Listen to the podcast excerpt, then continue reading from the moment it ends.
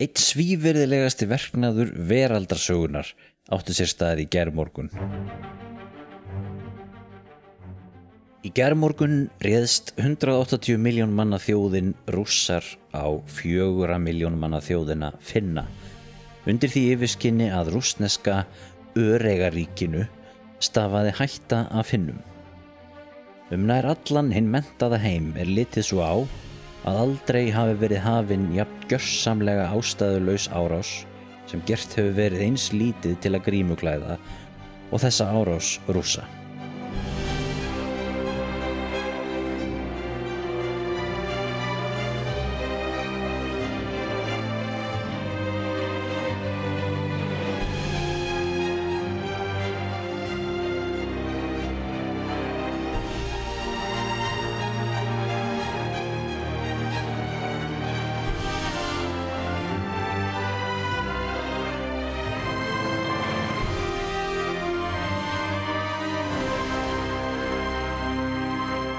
Jæja, komið sæl, kæru vinir og verið velkomin í eh, hlaðvarpið sögurskoðun. Jöp, við erum ekkert að gefa okkur Nei, nei, nei, nei, nei. Herðu, já, það er sól og sumar Já, og já, við hérna eh, erum nú komin á þann stað í, í árinu að það fyrir nú að líða því að við þurfum að fara að uh, taka okkur sumafrí þannig að við gerum nú ráð fyrir þetta verið síðast í þátturum fyrir sumafríð á þessari önn. já, Jú, jú, jú, jú. Ertu að fara eitthvað í sumar? já, ég fer til Íslands Þannig að og verð, verð á Ísland allan í júli Þannig að ég kem ekki aftur hinga fyrir en hvað, 4. ágúst almennilegt. Er ekki heitasta, heitasta turistadestinationið í ár?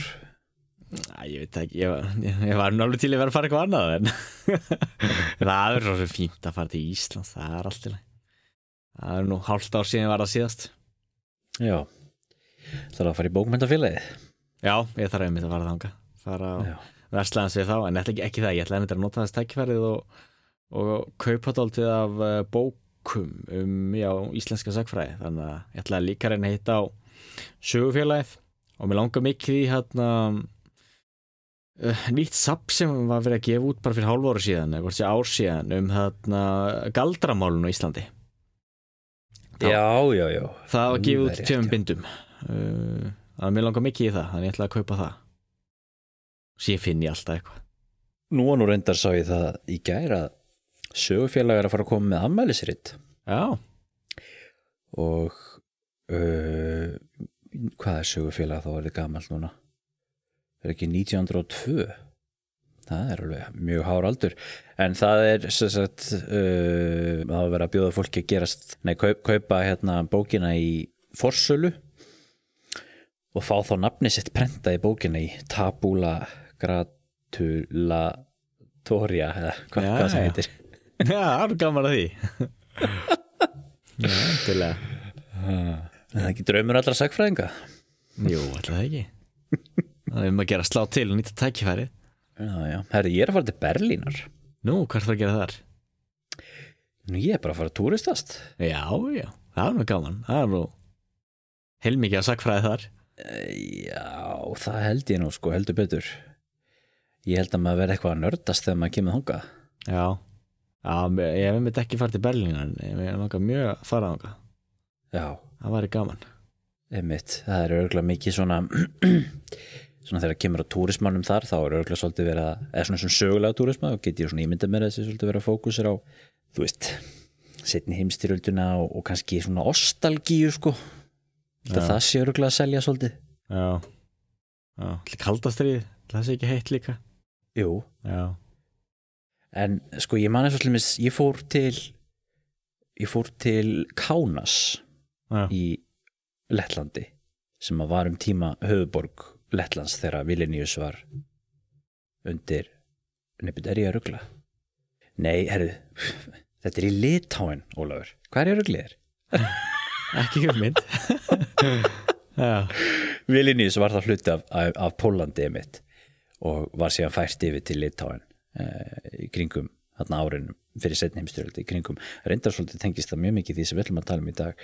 En allavega í, það snýst allt um þessa millistrís ára sögu og, og það er svona veginn, það er ekki að sjá það að þetta land hafi verið hluti af Sovjetríkjónum til dæmis í, í ykkur 70 ár eða 60 ára eða hvað það var. Já, varla minnst á það sko. Þannig að það er svolítið aðtegluvert hvernig borgir velja að selja sig já, og hvers og, og, og hvað fólk vil vinnast. Já, það er mjög áhugavert.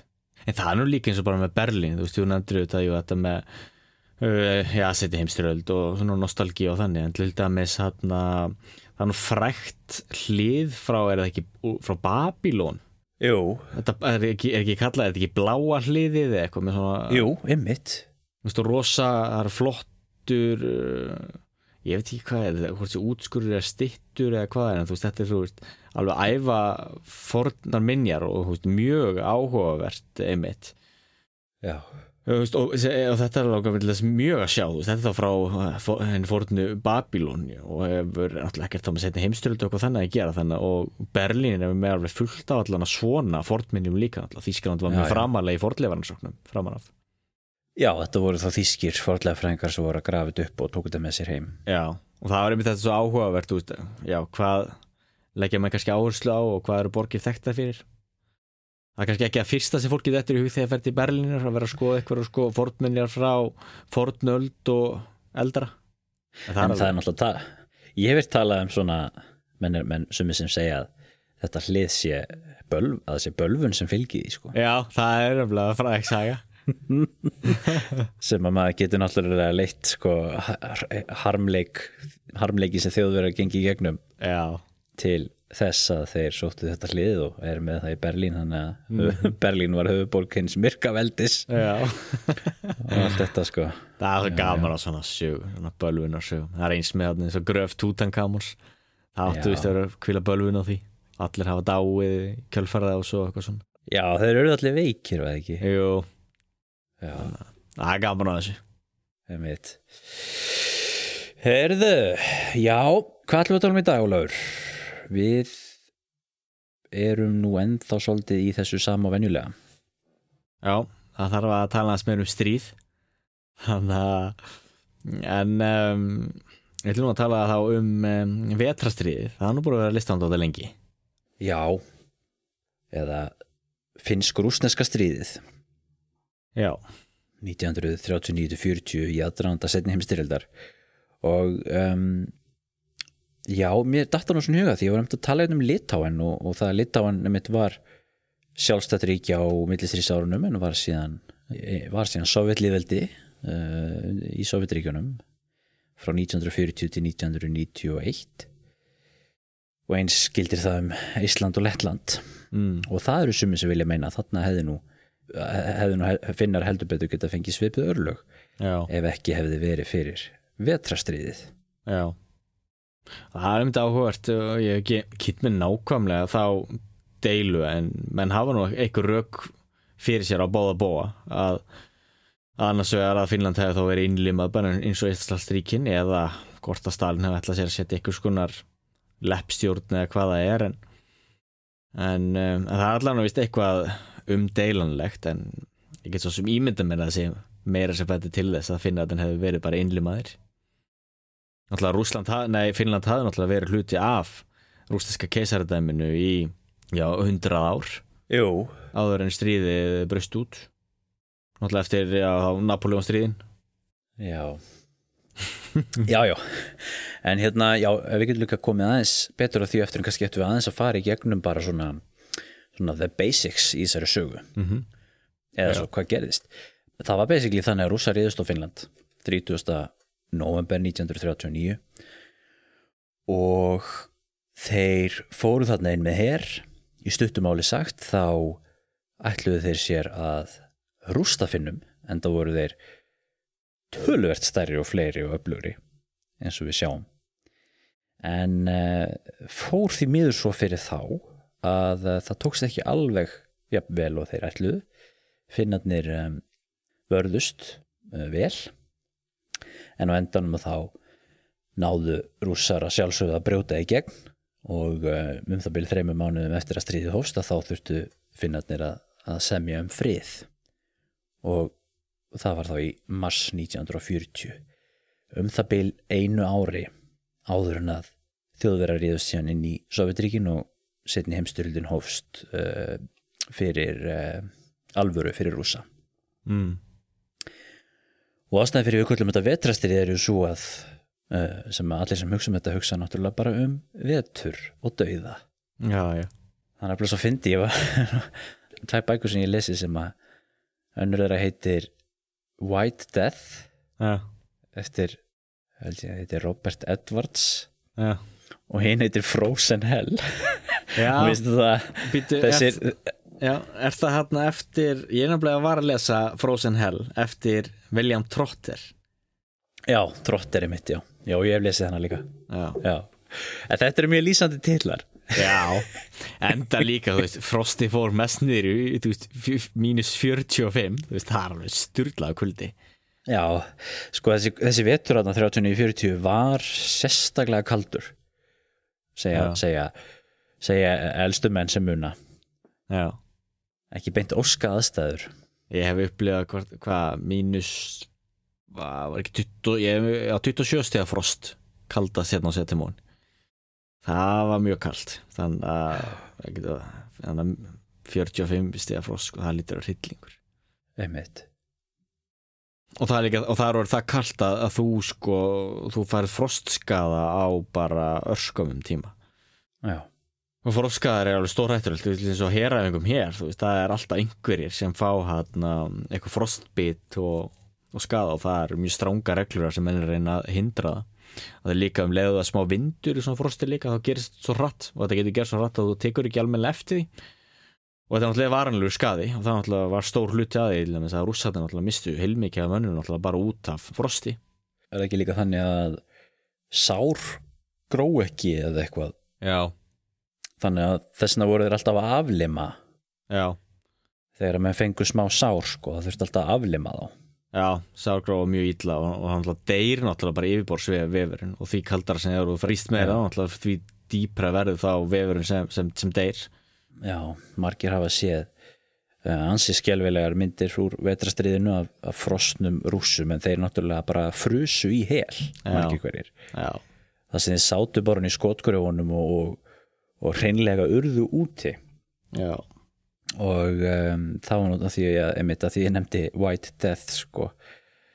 það er svolítið svona hugtak sem hefur getur haft nokkra merkingar í þessu samingi sko, til dæmis var það þekkt á meðal rúsneskara hermanna að það var talað um hvíti dauði að deyja úr, úr kulda uh, á vikstöðunum hjá Finnlandi. Manna menn töluðu um það að menn höfðu dáið úr húnum hvíta dauða eða dáið hennum hvíta dauða eða eitthvað svoleiðis já, og það og rúsnesku hermennir óttust þetta sko að vera sendir í, í, í, út í hinn hvíta döða og svo framvegis já, já. en svo var líka annað, það var hérna leyniskitta ykkur finnsk leyniskitta sveimi þá ef að hann sé ekki svo sem að hefur hefur það merkilega með að hafa myrt flesta eða það kallast nú ekki morð Mm drepið flesta Já. uh, hermenn einn sínsliðs eða eitthvað líka í allri setni heimstyrildinni eða eitthvað líka. Það er þessi finnski kall sem að var kallaði hvíti döði Ég man ekki hvað hann hétt það er nú, næ, maður svo fletti upp en hann heitir mjög skrýtnu nafni það er eitthvað í he, hegi he eða eitthvað. Já. Það er líka svo fyndi með finnan þetta náttúrulega er Já, hérna Simo Hehe eða ég veit ekki. Ég veit ekki hvernig maður á að bera það fram sko. H A með tvípunkti Ufsrón H með Nei, H A með tvípunkti Ég veit ekki hvernig maður Hæ, hæ, hæ, hæ. Hæ, hæ, Þeir segja að hann að drepið um 800 hermenn. Já, Það er klikkun se- segja þér það vinnur okkur á, á Wikipedia. Á Wikipedia, þannig að við seljum ekki dýrir en við kaupum það sjálfur hvernig lifa með þetta á samviskunni? Já þetta er svolítið bilað sko. Þetta er það, en það er líka það er ótrúlega eins og hann er- lýsir líka í Frozen Hell, líka bara þessi voru á, á já, stundum, þú veist, þetta var bara þegar þeir voru bara salla niður menn og voru að drepa bara mörg hundru með Fjölbisónum og það tala um það að menn bara brotnuði saman og, og voru miður sín bara yfir sko þeirri sláturinn að þetta var svo brjálaðslegt mannfall og, og dráp. Einmitt. Já, ótrúlega alveg Já, mann getur ekki myndið sér þetta. En, en hérna rússarnir líka voru sko rússarnir, rússneski herin var sko það sem, það sem það eru tveir hlutir sem fólk tekur eða tók og tekur út úr þessu stríði um fyrst og fremst sko. Það er fyrsta legi það hvað finnarnir börðust vel. Mm. það er svona eftirtektavert hvað þeir stóðu sér vel í raunni Já. Eh, þrátt fyrir þær arfuð aðstæður sem þau voru í voru miklu miklu færri. Uh, höfðu basically þú veist, þeir voru með eitthvað 30 skriðdrega tótal skilur Já, já, og þú veist, voru með sko stórskotalis búnaðunum þeirra fallbissurnar og þetta var bara einhverjir einhverjir, einhverjir samgripir sko. Og það bókstálega því þeir fóru inn á söfnin að ná í fallbissur til þess að setja, gera í stand og þetta e- elsta fallbissan til dæmi eina af elstu fallbissan sem þeir notu var þá uh, hérna, gerð 1886 já, ok. Það, og við erum að tala um það að þetta verið að berjast 1939 og þú erum með fallbissu frá 1886 það er bara, er ótrúlegt. Og til náttúrulega var, var sko soviski herri með mörg þúsund skriðrika og, og það tali að þeir hafa kannski mist um 1500 til 3000 eitthvað skriðrika í öllu vetrastriðinu já, og finnandi byrjuðu vetrastriði með 24 skriðrika þetta er alveg, þetta er alveg klikkun. Og svo er þið náttúrulega með náttúrulega lítinn sem engan flugherr og flugvilegna voru ykkur gamlar tvíþekjur og já, þeir voru með einhverju hundra vélar. bara, já, einmitt. Og sko finnarnir voru ekkert að framleiða neitt þú veist, þeir framleita engar, en, engin skotfæri eða neitt svoleiðis þetta þau alltaf, alltaf að kaupa þetta. Og þau kiftu til mis voru búin að vera að kaupa þarna breska skriðdrega fyrir stríði sko, sem að til þess að spara pening voru ekki með byssum og hvað svona sko. Já, og þeir voru búin að reikna þá ok, við getum haldið út í þú veist, 21 daga eða eitthvað. Já, reyndar áttuðunir reynd fyrir að halda út í 100 og eitthvað daga. En um, eða 100 daga eitthvað svo leys 105 105 daga, já. Er mitt þannig að það, það er svona fyrsta sem að menn taka eftir með, með þessa innrás. Af því að auðvitað er þetta líka sko Davíð versus Goliat sko. Mm. þú ert með risaveldi gegn smáríki. Og ég veit að hlustundur eru örglótni pyrrar og þið heyra mig segja en ég ætla að segja það einu sinni enn. Að hlistæðuna við þetta sem er að gerast í Úkvæðinu núna eru alveg ótrúlega margar. Mm. Eða kannski ekki svo mikið lengur allavega svona þegar að var að byrja sko. þá fannst manni vera mikill ómur af þessu að stóri björnin er að ráðast á litlu kanínuna og allir búast við því að kanínan verði rifin í sundur bara á nokkurum dögum já, en ótrúlegt nokka þá tekst það ekki sko mm. en það er ekki bara sko finnarnir heldur líka hinn hlutinu sem menn taka út úr þessu er einmitt bara hversu illa rússarnir stóðu sig sko þannig að það var ekki bara það að finnarnir voru svona frábærir þú, og þetta var það líka þetta eitthvað sem að var spila rosalega upp trommað rosalega upp í finnskum áróðri já, já, og í vestrænu pressunni alveg svo við sjáum jafnvel í dag en mm. En það var spila rosalega á þetta þannig að sko, en, en það er þá líka einmitt þetta, þú veist, að rúsneski herin var algjörlega óundibúin fyrir svona stríð. Og það kom öllum svo mikið á óvart vegna þess að fram að þessu þá höfðu sovjetmenn um, spilað sér svolítið út fyrir að vera með einn af nýstarlegustu herjum Evrópu. Og það var eitthvað mýta sem var uppi þá fyrir stríð að rauði herin væri mjög góður og nýstarlegur og flottur. Já. En það líka byggðist á já, ég held maður geta alveg sagt uh, smá sannleiks kjarna út af borgarastríðinu.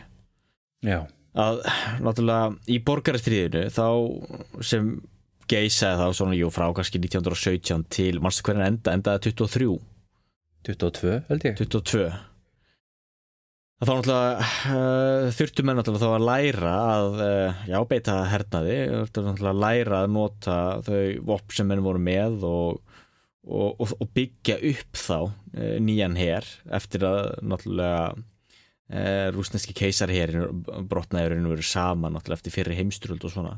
Þannig að þessi rauði her sem Trotski byggði upp hafði náttúrulega tölu verða tölverða hernaða reynslu sem, og það er náttúrulega það sem er svo mikilvægt að það er áhvert að þetta breskur sakfræðingur sem hérna uh, líkti hernaði við, uh, við að synda.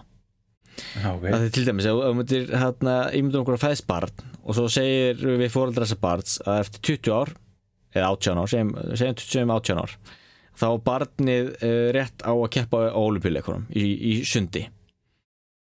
Og barnið fær þá 18 ár til þess að æfa sig.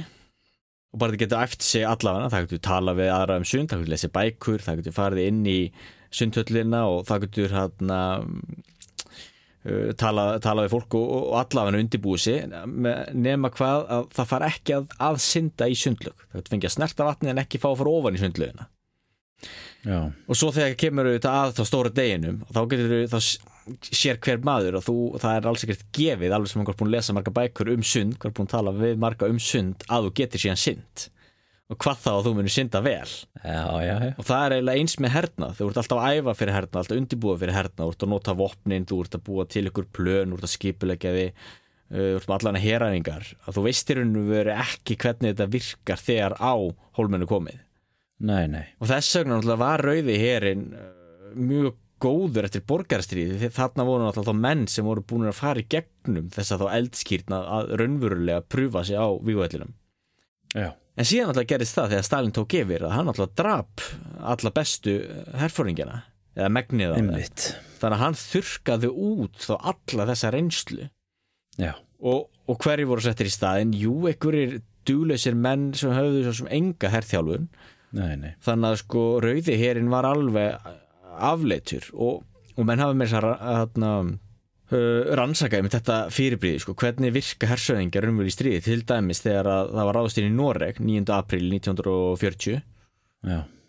af átta hersöðingum þá voru fjórir hersöðingar sem virkuði ekki og til dæmis eitt þeirra bara tók af sér fór, fór úr herbúningnum og bara fór heim þannig að Já, til dæmis ok. tveira hersöðingjörnum voru dæmdir eftir stríð ekki fyrir föðurlandsvík því þeir voru ekki að vinna með Þískalandi eða, eða neitt slíkt þeir bara, þeir höfðu ekki dug þeir treystu sér ekki til að takast á verkefnið Já, ok. og Fóru bara heim í hittuna sína? já, fóru bara heim og, og af þessum fjórum þá sem börðust sem þá tók eitthvað þátt eitt gerðun eiginlega ekki neitt bara svona fylgdi með Já. eitt fór á eftirlaun skömmu, skömmu eftir hann var eiginlega átt að fara á eftirlaun bara örfáum dögum eftir 9. april Kom hann fyrir maður á eftirlaun þegar að vera að ráðast að landið manns? það er nefnilega málið en, hann, en það síndi þá frekar það hvað hann var uh, duglaus Já, já. þannig að af þessum átta voru það bara tveir hersöðingar sem, sem raunverulega börðust og, Já, og það er einstaklega með breska, bresku hersöðingina að megnið af þeim sem voru hersöðingar þegar stríði braust út þá 3. september 1939 að 1945 held ég bara 10% af þeim hersöðingum hafi ennþá verið virkir hersöðingar á výlínu margir voru ennþá hersöðingar en þeir voru þá bara bak við eitthvað skrifborð. En þetta er nefnilega, þetta finnst mér nefnilega svo áhugavert fyrirbríð að þú ert að æfa þig og undirbúa þig og þú veist í raunum veru ekki hvernig menn standa sig þegar á hólminu komið. Nei, nei. Og það fengur náttúrulega til þess að rússarnir að kenna á náttúrulega í vetrastriðinu þá með fullt, fullt af bara duglausum uh, fóringum. Já, já, þeir höfðu náttúrulega, sko, reyndar höfðu þeir alveg, sko, það er alveg líka til í því að þeir höfðu endun í að herinn svolítið á fjórða áratögnum og aðeins að svona gera þarna einhverjum svona struktúral breytingar og, og, og, og búin að vera vinnið í að miðstýra herinn svolítið þannig að og var held ég alveg litið svo á að Rússland væri stærsta herveldi í Európa á þessum tíma þetta náttúrulega voru þjóðverður ekki orðnir það á þess, þessum tíma Mm.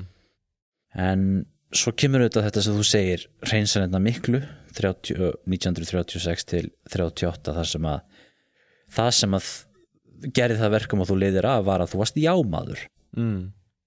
og þú veist svona karakterir svo Vorosílov til dæmis sem að var nú æðsti marskálkurinn hann fyrir stríðið auðvitað náttúrulega bættust við margir náttúrulega í setni heimstyrildinni frægir og merkir hersöðingjar og svona en, Já, já. en þarna var til dæmis Vorosílov sem var yfir þessara einhvers í, Finnlandi, í Finnland til að byrja með til dæmis síndi sig að, að hann var ekki alveg í standi til þess að til þess að gera það Nei.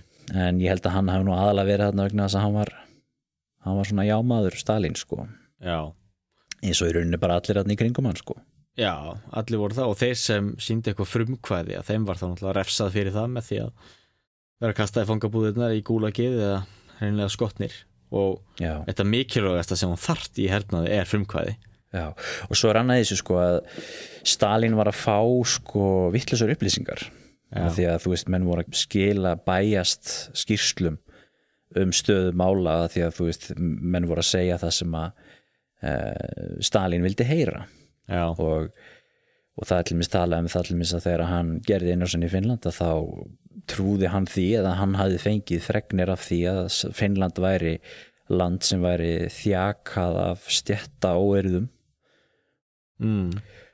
og allir myndu bara býða eftir því að rauði herri myndi koma og frelsa fólk frá, frá kapitalistunum sem var nú alls ekki raunin. Nei. Nei og til dæmis þegar að segja sem áróðsritum sínum að að Sovjetríki myndi koma og hvort það var ekki, var ekki 40 tíma vinnuvika og hitt og þetta ekkur bætt ekkur og lögjöf þrátt fyrir það að það voru mörg ár síðan 40, 40 tíma vinnuvika var, var komið á í Finnlandi. Já, já, já, og sko og finnarnir voru með eh, almenn heilbreyðistjónustu og, og háskólarnir voru opnir og var svona, uh, svona komið svona vísir að þessu velferðaríki sem Finnland náttúrulega er í dag jú, jú. og finnskur almúi náttúrulega hafði það margfalt betra heldur en eh, bændur og verkamenn í Sovjetríkjónum já, þá sér maður einmitt hvað er hættulegt þetta þeir voru bara með jámenni kringu því já, og þess vegna maður stendst ekki freystinguna það er náttúrulega sér það sama með innrásinni í Úkrænu það er náttúrulega ekki tilvíðuna sem er búið að fjarlæga þann sem var yfir innrásinni til að byrja með. Ég man ekki hver stýrið því núna en þú veist það er einmitt það sama þau voru ekki að fá réttar upplýsingar. Já, já, líka þetta, þessu þetta dæmi með að að það séu nasistar í Ukrænu skilur og allir séu bara býð eftir að vera frelsaði frá þessum nasistum sko. Já, já, já. Já, já, en, en það sem er samt uh, líka áhört með þetta maður verður eiginlega að nefna það svolítið að þessi byrjun líka þú veist, af hverju Stalin uh, var svona upptekinn að taka Finnland? Já, því það á sér líka náttúrulega dálítið gamlar rættur og er allt aftur til uh, borgarstýrisins í Rúslandi því uh, kvítlega hreyfingin náttúrulega vann uh, finska borgarstýrið já, þar sem að hann Karl Gustaf Emil Mannerheim leiddi þá uh, kvítliðana gegn uh, rauðliðum og, og sigraði þá borgarstyrið og enn fremur og það er nefnilega alltaf áhugavert þjóðverjar buðu finnum aðstóð þá í borgarstyrinu já, og það er nefnilega áhugavert ég hef verið að lesa þess um hann Mannerheim og hann virðist hafa uh, það virðist hann hafa verið bísna skarpsýn og, og, og framsýn og ná svolítið að lesa pólitískar aðstæður vel. Já. Því hann mælti gegn því að þykja þýskan stuðning í í borgarastyrjöldinni borgarstyrjunni Já. í þá mars 1918 Já. 1918 þegar að rúsneska byltingin er búin að kljúa Rúslandi sundur að þá hellist byltingar áhrifin yfir til Finnlands líka sem var náttúrulega hluti af rúsneska keisaridæminu og það brýst út borgarastyrjöld í Finnlandi á milli rauðliða það er að segja kommunista og hvítliða andkommunista rétt eins og við höfum í Rúslandi já, og þetta var mjög blóðug borgarastyrjöld á báða bóa það voru framinn bæði rauður terror og hvítur terror. Og, og, og þetta setti þetta djúb sár í sögu þjóðarinnar. Já. Það gerir það og, og Mannerheim var náttúrulega eða Baron Mannerheim náttúrulega var tilheyri aðlinum og hafði til þess verið í, í þjónustu uh, Nikolásar annars uh, Rúslandskeisara Mhm. og var náttúrulega diggur stuðningsmaður keisaraveldsins en, en hann barðist það þarna fyrir kvítlega og hann mælti þó gegn því að, uh, að Finnland myndi þykja stuðning frá Þískalandi en það var ekki hlusta á það. Þannig að Þískaland uh, sendi uh, hermenn til Finnlands og aðstóðu kvítliðana þá við að berja niður rauðliðana Já, og þetta náttúrulega sett átt eftir að, ha- að, að hafa tölverð áhrif. Þetta síndi þá náttúrulega mm, kannski að að- að finna að það voru tilbúinir að þykja aðstof frá Þískalandi og það náttúrulega var bein ókn við Sovjetiríkin sem ég setna mér já, já, og þetta var til dæmis alveg hluta því af hverju Stalin uh, horfi svona til Finnlands og, og vildi færa þá finnsku landamærin lengra vestur. Og náttúrulega hel, öll líkitum helst náttúrulega ná öllu Finnlandi náttúrulega líka til þess að tryggja Leningrad. Því áður en vetrastriði byrja þá var jú Leningrad bara, var ekki einhverju 20 km frá finnsku landamærunum. Jú, þessi 20-30 km frá. Já, Sko, þetta er mjög sko, aðtilvægur punktu vegna þess að sko auðvitað er mjög auðvelt að segja það að rússar hafi verið í þessum tilgangi að leggja undir sig Finnland og ég held að séu margir sem, sem halda því fram og margir fræðimenn sem halda því fram og, og hérna en það er samt ekkert í rússneskum skjölum sem bendir til þess að þeir hafi ætlað að gera það. Nei, þó svo auðvitað getur maður lagt saman tvo og tvo og spekulerað um það og ég held að helsta ástæðan sem bendir til þess eru náttúrulega afdrif uh, Eistralsríkjana sem fengu í rauninni mjög svipaða meðhandlun og finnar. Já, en maður þarf að sjá þetta náttúrulega í því ljósi að sko setni heimstyrjöldin er náttúrulega alveg að fara í ganga á þessum tíma. Ok, reyndar er náttúrulega setni heimstyrjöldin byrjuð akkurat á þessum tíma nota bene en auðvitað höfðu rússar áhuga á því að fá aftur þau landsveið sem þeir höfðu mist eftir fyrir heimstyrjöldin Eistralsríkin, Póland Finnland, Bessarabi og þessi svæði. En það er nú svona yfirleitt tala um það að í þessum aðdraganda þá voru þetta eh, raunverulegir öryggishagsmunir sem að þeir voru að spá í. Að, að, þeir, að þeir, voru vissir um það að það kæmi innrás. Og það er auðvitað mjög auðvelt að segja það vegna þess að það kom síðan innrás. Mm. eh, frá þjóðurum og það kom innrás frá þjóðurum í gegnum Finnland. Þó svo, svo innrás hafi að sjálfsögðu eh, komið vegna vetrastriðsins getur maður svo sem sagt. Já, já, að því rússar náttúrulega sáu það alveg að það var að fara að koma heimstyrjöld. Og, og þeir eru náttúrulega með sín marxísku glerugu það sem að þeir uh, átta sig á því að, að heimsbyltingin snýst um það að veist, það mun koma frekara stríð, skiluru og, og, og alltaf hrættir um að, að, að stórveldin myndu saminast gegn sér. Já, og réttilega svo enda náttúrulega voru öll stórveldin uh, eftir byltinguna mjög mikið á móti Sovjetríkjunum og, og náttúrulega eitt er að Þískaland náttúrulega hafði það náttúrulega bara ofinberlega í sinni utaríkistefnu að leggja Sovjetríkina velli og voru ekkert að fara neitt lengt með það eftir 1933 nei, nei. Þegar Hitler komst til valda. Já, og þannig þannig annars vegar þessi hugmyndafræði og svo hins vegar þetta með að búti buffer á milli sín og þjóðverja. Og heimskerfið á þessum tíma sem var byggt upp eftir fyrir heimstyrjöldina var svolítið byggt upp á þessu Wilsoníska hugmyndakerfi um svona collective security það sem að ef að ein þjóð var með árásar negið gagvart annarið þá áttu allar hinar þjóðunar í kring að taka sér saman um að verja þessa þjóð sem er áðist á. Það var svona þessi hugmyndafræði í þjóðabandaleginu, hugmyndafræði sem að náttúrulega beið skipbrot. já, En það var reynt að uh, koma upp svona kerfi, breytar og frakkar og uh, rússar voru búin að vera með viðræður um að saminast gegn þjóðverjum. Uh, frakkar voru að reyna að búið til bandalög á gamla skólanum við eins og Júkoslavíu og Póland og reyna, reyna umkringja þjóðverja með einhverju svoleiðis kerfi en það tókst ekki að, að koma því á en breytar og frakkar höfðu treyst ekki rússum. Og mögulega voru rússar heldur ekki neitt með neina alvöru í því að, að fara í svona bandala gegn þjóðverum þannig að þá kom að því sérst að, að um, mjög mikilvæga þáttur sem að er uh, Molotov-Ribbentrop samningurinn mhm, sem var kannski svona það sem að gerði rússum svolítið klift að fara í þessa styrjöld. Að Hitler og Stalin gerði með þessi greiðasáttmála um það að gera ekki árás á hvern annan mm. Með þessum greiðasáttmála er leiniklausa sem segir við ætlum að skipta með okkur áhrifasvæðum í Austur-Európu og við þennan samning, við erum að tala um ágúst 1939, þetta er rétt áður en setni heimstyrjöldin byrjar. Tíminn er að renna út fyrir Hitler, hann ætlar að ráðast á Póland áður en að veturinn gengur í garð og hann þarf hlutleysir í rússa. Rússar hins vegar þurfa tíma til þess að undirbúa sig til að verja sig og þá ná þeir að gera þannig helviti góða díl sem er svona vinn-vinn fyrir þá báða. Já, að eh, Hitler fær uh, frið til þess að aðtapna sig í Pólandi og aðtapna sig gegn frökkum og breytum og meðan rússar fá að ganga lausum hala í Austur-Európu og uh, leggja undir sig þessi lönd sem áður tilherðu uh, rússanska kesaridæmin og byggja upp buffer gegn þjóðverjum. Og það sem að Stalin alltaf misregnaði sig var að hann alltaf held að þarna myndi verða skotgrafahernar og vestuvistuðunum og þjóðverjar og, og frakka myndu slátra hverju öðrum hægt og rólega svo gerist í fyrir heimstyrildinni Já, og síðan myndi hann koma eftir og rúli yfir þetta hægt og rólega og tínu upp. Mm.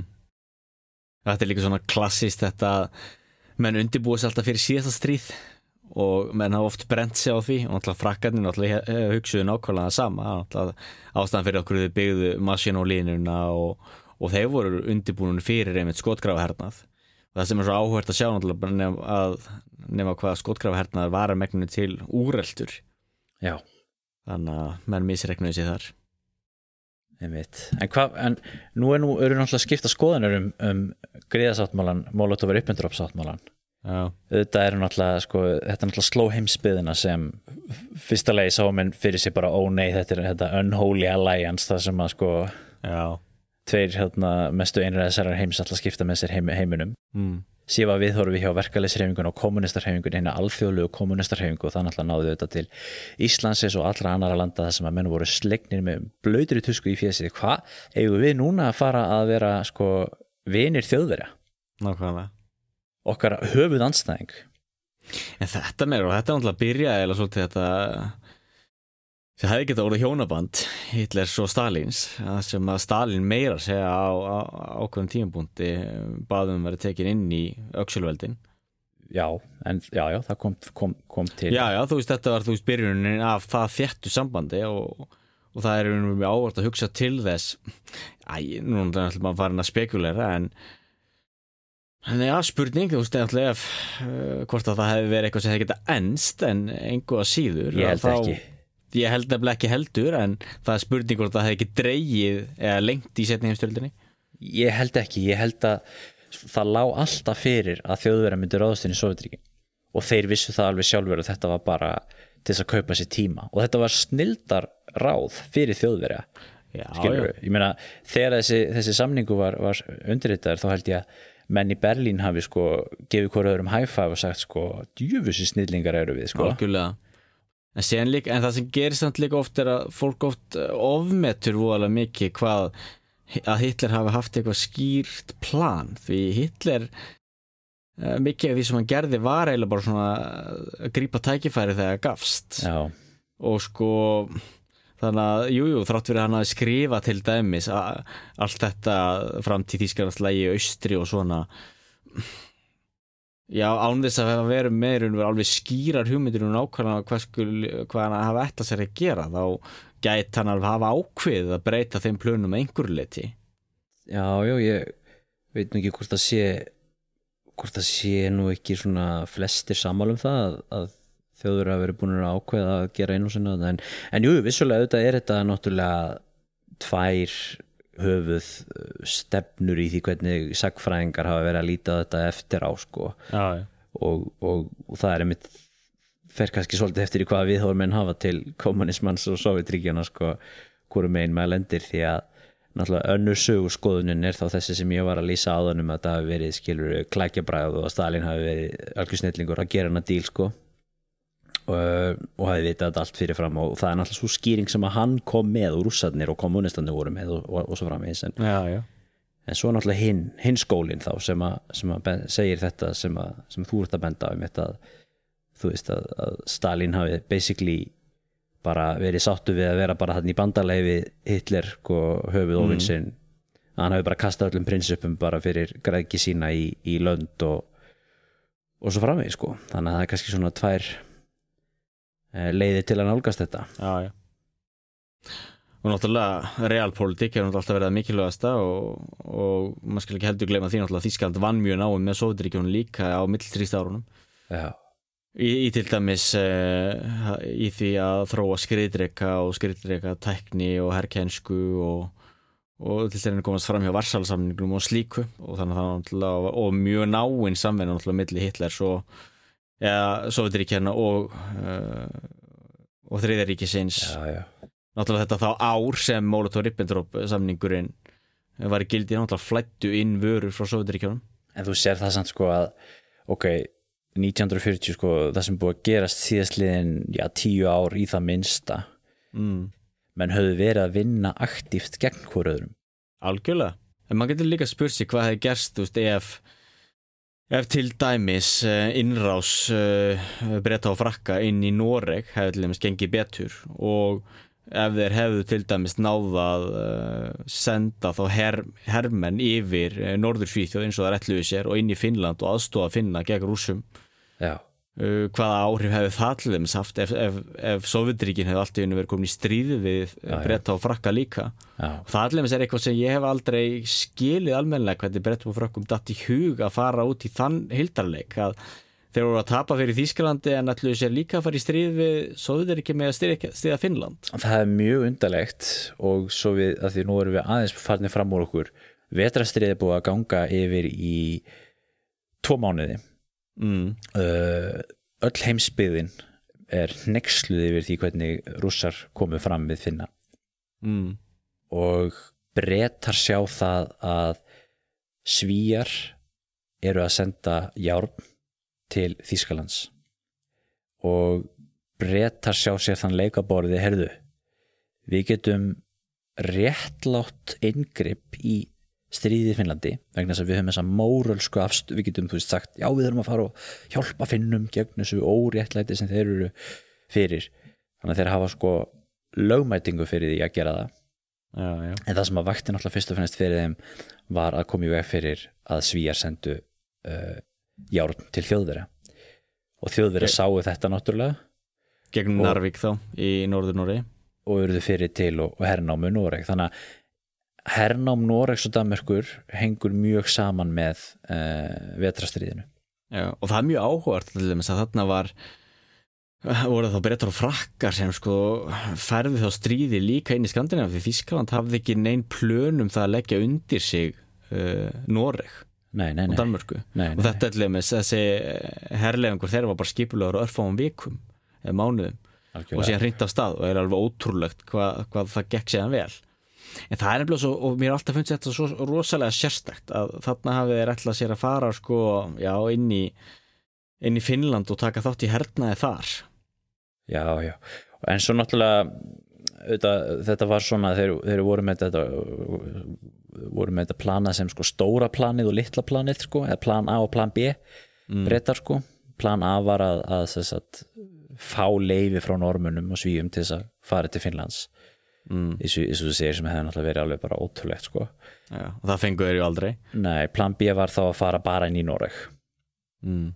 og þú veist, breytar voru með þetta á teikniborðinu að, að leggja undir sér Noreg þegar að, þegar að þjóðverður verið fyrir til sko. Já, en, en mjög góða punktur sem þú segir með Norðurlöndin. Sko aðalmálið eh, eins og ég skil þetta fyrir þjóðurum það er að fara í strífi rúsa svo þurfum þeir að gera alls konar hluti til þess að láta það verða veruleika skilur það er það sem vaki fyrir þeim. Það sem vaki fyrir breytum er náttúrulega bara að stoppa þjóðverja eh, og koma aftur á valda jafnvegi svo ertu með þess að þjóðir í Norður-Európu Noreg, Danmörku, Ísland Svíþjóð og Finnland. Allar þessar þjóðir vildu ekkert frekar heldur en að vera hlutlausar og lifi friði. Mm. það var engin agitera fyrir stríði í þessum þjóðum.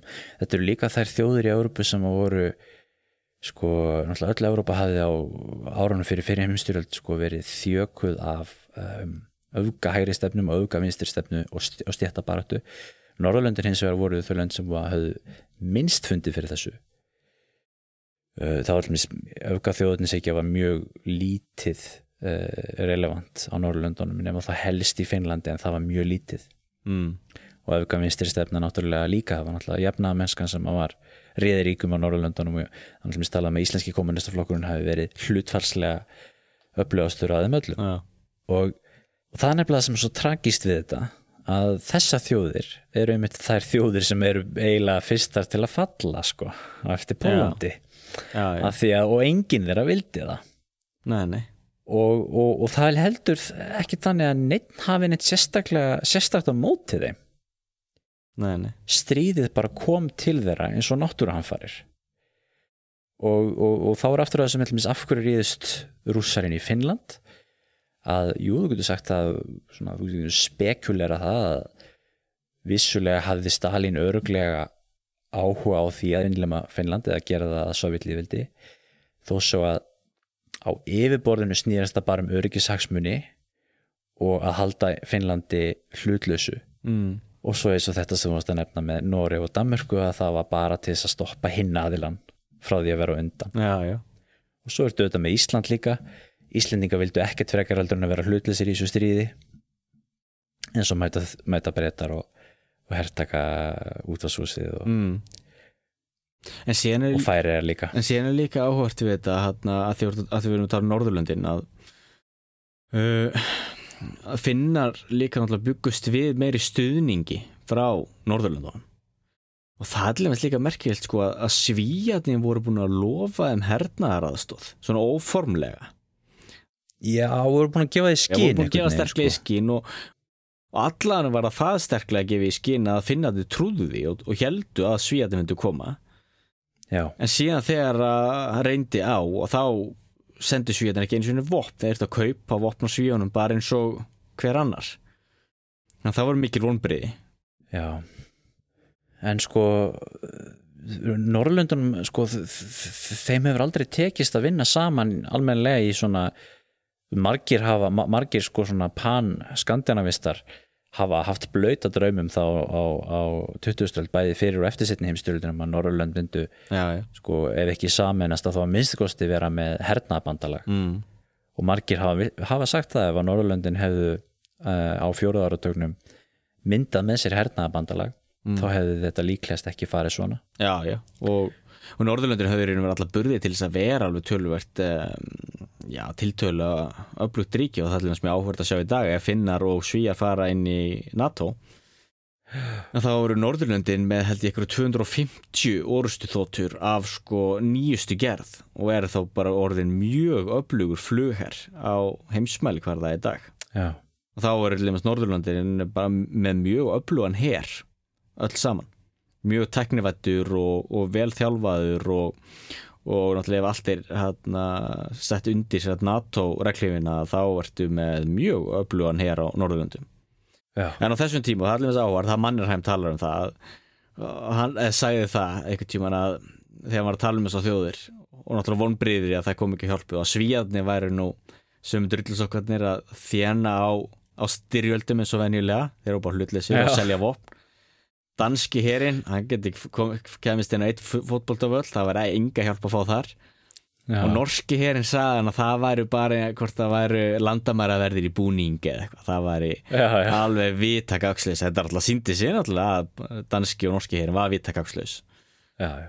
og það voru gífuleg vonbriði fyrir, fyrir eh, Finna en það sem líka áhvert að samt að, að forseti Finnlands á þessum tíma hann trúði því ekki að Sovjetiríkin myndi ráðast á Finnland. Hann trúði ekki að Stalin myndi ráðast á hann. Hann held að þetta væri bluff. Já, ég var að tala eins um þessar viðræður sem þú varst að koma inn á þann Já, náttúrulega, við erum búin að tala um það náttúrulega Molotov-Ribbentrop samningurinn það náttúrulega hérna, veitti þeim, eh, veitti Sovjetiríkjónum lausan taum í Finnlandi. Það þurfti ekki að ágjur af, af Þískalandi Brettar og frakkar náttúrulega voru uppteknin í stríði við Þískaland þannig að Stalin náttúrulega sá sér leika á borði Finnarnir voru búin að neita að semja við hann. Mm. hann var búin að bjóða þeim það að fær, ef landamærin er færið lengra frá leiningar þá getur finnandi fengið eitthvað svæðið þarna á, í Karelju í Karelíu, já. Og þar var náttúrulega svona finnst fólk sem bjó en eða voða lítið fólki samt. Karlar sem er jú finn og úgrist fólk. Já, frendur finna og það hangi líka saman með þessum stór hugmyndum það er náttúrulega eins og við talaðum áður. Og það er náttúrulega voru aðeins hugmyndir um stór Finnland. Já, en sko finnar eh, náttúrulega, ef maður skoður þetta á korti þá sér maður að landamæri Rússlands og Finnlands eru mjög löng. Og ef þú myndir taka þessi landamæri og færa þau talsvert til austurs inn í Rússland mm. að þá eru finnar með svona sitt kjarnasvæði þar sem þeir hafa e, þá karelana með í, með í því. Á nesinu sem að eða eyðinu sem heitir Kirjála eyði uh, sem er á milli sko finska flóa og Ladogavass Mm. þar byggu líka finnar og karelar Mm.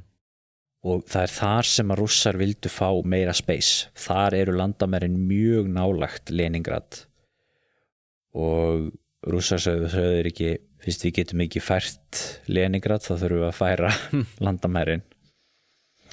En það er verðt að nefna það því við nefndum hérna Ístralsöndin að Molotov-Ribbentrop samningurinn er í ágúst. Miðan mánuðin, september þá uh, koma rússar og uppfylla það sem þeir höfðu lofað sem var að hernema austurhluta Pólans gerðu það, það var ekki mikil mótstaða þar. Og þá snúiði sér að Eistralslöndunum og Finnlandu þeir byrjaði að bjóða þeim svona svona vináttu samning, samstarfssamning. Auðvitað er það mjög sorglega saga hvernig fór fyrir Eistralsríkjónum Já, og, og horfi upp á það hvernig rússar sko bara lögðu þau undir sig svona vopnlöst sko það er rauninni bara eins og já, rauninni eins og Tjekkoslovakia, Austuríki og svona. Mm. en í stuttum að þá samþyktu Ísraelslöndin að skrifa undir svona vináttu og samstarfsamning við rússa sem hann kannski ekki beint vinalegur því að það gaf rússum leifi til þess að færa uh, her inn í landið og þeir færðu svo mikið her inn í löndin að ég held að það verið fleiri rúsneskir hermenn aðna heldur en eisneskir hermenn í Íslandi og svo framvegið sko Mm. og þannig tókst þeim síðan hægt og rólega að koma sínum önnum að sem síðan stopnuðu Sovjetlíðveldi og allir voru handteknir og sendir í gúlega það er náttúrulega hryllilega sorglega saga sko. Já. bara alveg ógeðslega saga runni sko, en þannig fórum um, um þá sjóferð. Mm. en finnar fengu svipaðan díl sem þeir höfnuðu. Og það er einmitt meðal annars út af þessu sem þú varst að segja. Þeir voru samfærum um það að svíjar stæðu við baki á sér sko. Já, og byggust líka, eða byggust náttúrulega við líka meiri stuðningi náttúrulega frá alþjóðsamfélaginu. Já, uh, en, en það sem er líka áhört með að Mannerheim, hann kvatti stjórnum til þess að reyna að semja eitthvað við, við Stalin, hvort það var að gefa upp eitthvað land uh, og taka þessu allavega alvarlegra en þeir gerðu. Og hann var það vissum að Stalin myndi ráðast á Finnlanda, hann uh, sagði síðan upp í mótmálaskinni, var ekki held ég 19. Já. oktober Já, þá er búið að vera bjóða þeim, þetta er svona svolítið svipið taktik og svo Hitler var með gagvart sko mörgum þessar að þjóða, þessu tjekkasloki og svona, þú veist, það er svona þetta er svona bulli stjórnmál sko, það er svona, þú veist það sendt símskeiti sko til Helsingi sem segir sko það er stríði gangi heimstyrjöldar í uppsiglingu við þurfum að eh, ræða málin. Ykkur er búið að koma til Moskvu helst í dag og svo þau svar ekki og kemur annað símskeiti sko. Við, við viljum að þið komið bara strax í dag vegna þess að við sendum það sama til Lettlands og þeir söruðu strax og, og síðan eru menn sko komnir, flognir inn eða, eða koma með lestinni sko og síðan er þeim bóðið ykkur rosa fínan dinner og svo er sest niður og svo, og svo fá þeir að, þú veist, fara að skoða Lenin hérna tú, túristastæðins í Moskvu og svona já, og búin að fá hérna góðan kvöldverð og svona en fara síðan alltaf heim bara með, með þessa með þessa kosti að, þú veist þau verða að samþykja en svo reyndar við þetta geta með sagt að, að þegar að finnar segja nei við þessum um, vináttu samning þá náttúrulega bjóður úsar alveg þokkalega góðan díl eins og þú varst að koma að með að skipta á landsvæði segja þú veist þið fáið hérna hvað var þetta 2000 fer kilometrar að landi eða eitthvað sem þeir þurfa að gefa eftir en í staðin fá þeir sko 5000 eða eitthvað líka já, já. All, allan annan austurhluta mm. það sem að uh, Karelarni byggu og það var meðal annars landsvæði sem höfðu reynd í borgarastriðinu, rústinska borgarastriðinu að stopna sjálfstæð líðveldi og, og vera sér innlemiðin í Finnland já, það sem er líka áhverð náttúrulega ef maður hefði, hefði fyllt náttúrulega nákvæmlega þessum sjálfsákvörðinu rétti þjóða þá náttúrulega hefði hefði landamæri Finnland sem sagt verið mun, mun eða hefði Finnland verið mun starra og landamæri náttúrulega færði lengra austur. Já, og já, það er náttúrulega líka alltaf áhugavert að horfa á þú veist hvernig hver er, hver er demografían, þú veist hvaða fólk býr raunverulega á þessum svæðum? Já, uh, að því það getur oft að það segir oft svo mikið um pólitíkina. Það er svo bara með Afganistan ef við horfum bara á demografíuna þá sér maður strax að af hverju Afganistan var dæmt til þess að tapa því meir hluti fólksins þess að pastún fólks býr í Pakistan. Og þau voru að berjast við Afganistan og pastún fólki í Afganistan og pastún fólki sem er nákvæmlega sama fólk og skilt í Pakistan er, er, er stikkfrýtt líka við. Þá er færið bara alltaf stuðning þar. Þannig að þá er náttúrulega getur alltaf unni, unni stríðið. Og já, og það er náttúrulega áhugavert það er mitt líka og sér þetta með, með þetta svæði að þetta börðust menn síðan þá um þetta um Karelíu og, og þessi landsvæði því það er náttúrulega voru ákveðni element sem þetta vildu þetta líka svona stærra Finnland. Og það er náttúrulega hluta því af hverju síðan eftir vetrastriðið að Finnar uh, börðust með Þísklandi í setni heimsturöldinni og það séu þetta efni svo sem í annan þátt. Algjörlega. En framhaldsstríði já, fram að þið En það sem er líka ávart að þátt fyrir að Mannerheim hafi sagt upp þarna 19. oktober þá þegar stríði braust úr 30. november þá mætti hann aftur á svæðið og það verið tilbúin að tak taka við og þá fekk hann yfir herstjórn yfir allir því það var engin, var engin spurningum hver að þetta leiða finska herin gegnum þetta, það var Mannerheim var langt besti maðurinn í það. Nákvæmlega. Herru, nú erum við sko, nú erum við búin að bladra mjög lengi og við erum ekki einu sinni byrjar á stríðinu sko. Næ, næ Herru, rússar uh, þeir gefast upp á þessu og segja núna fyrir við stríð.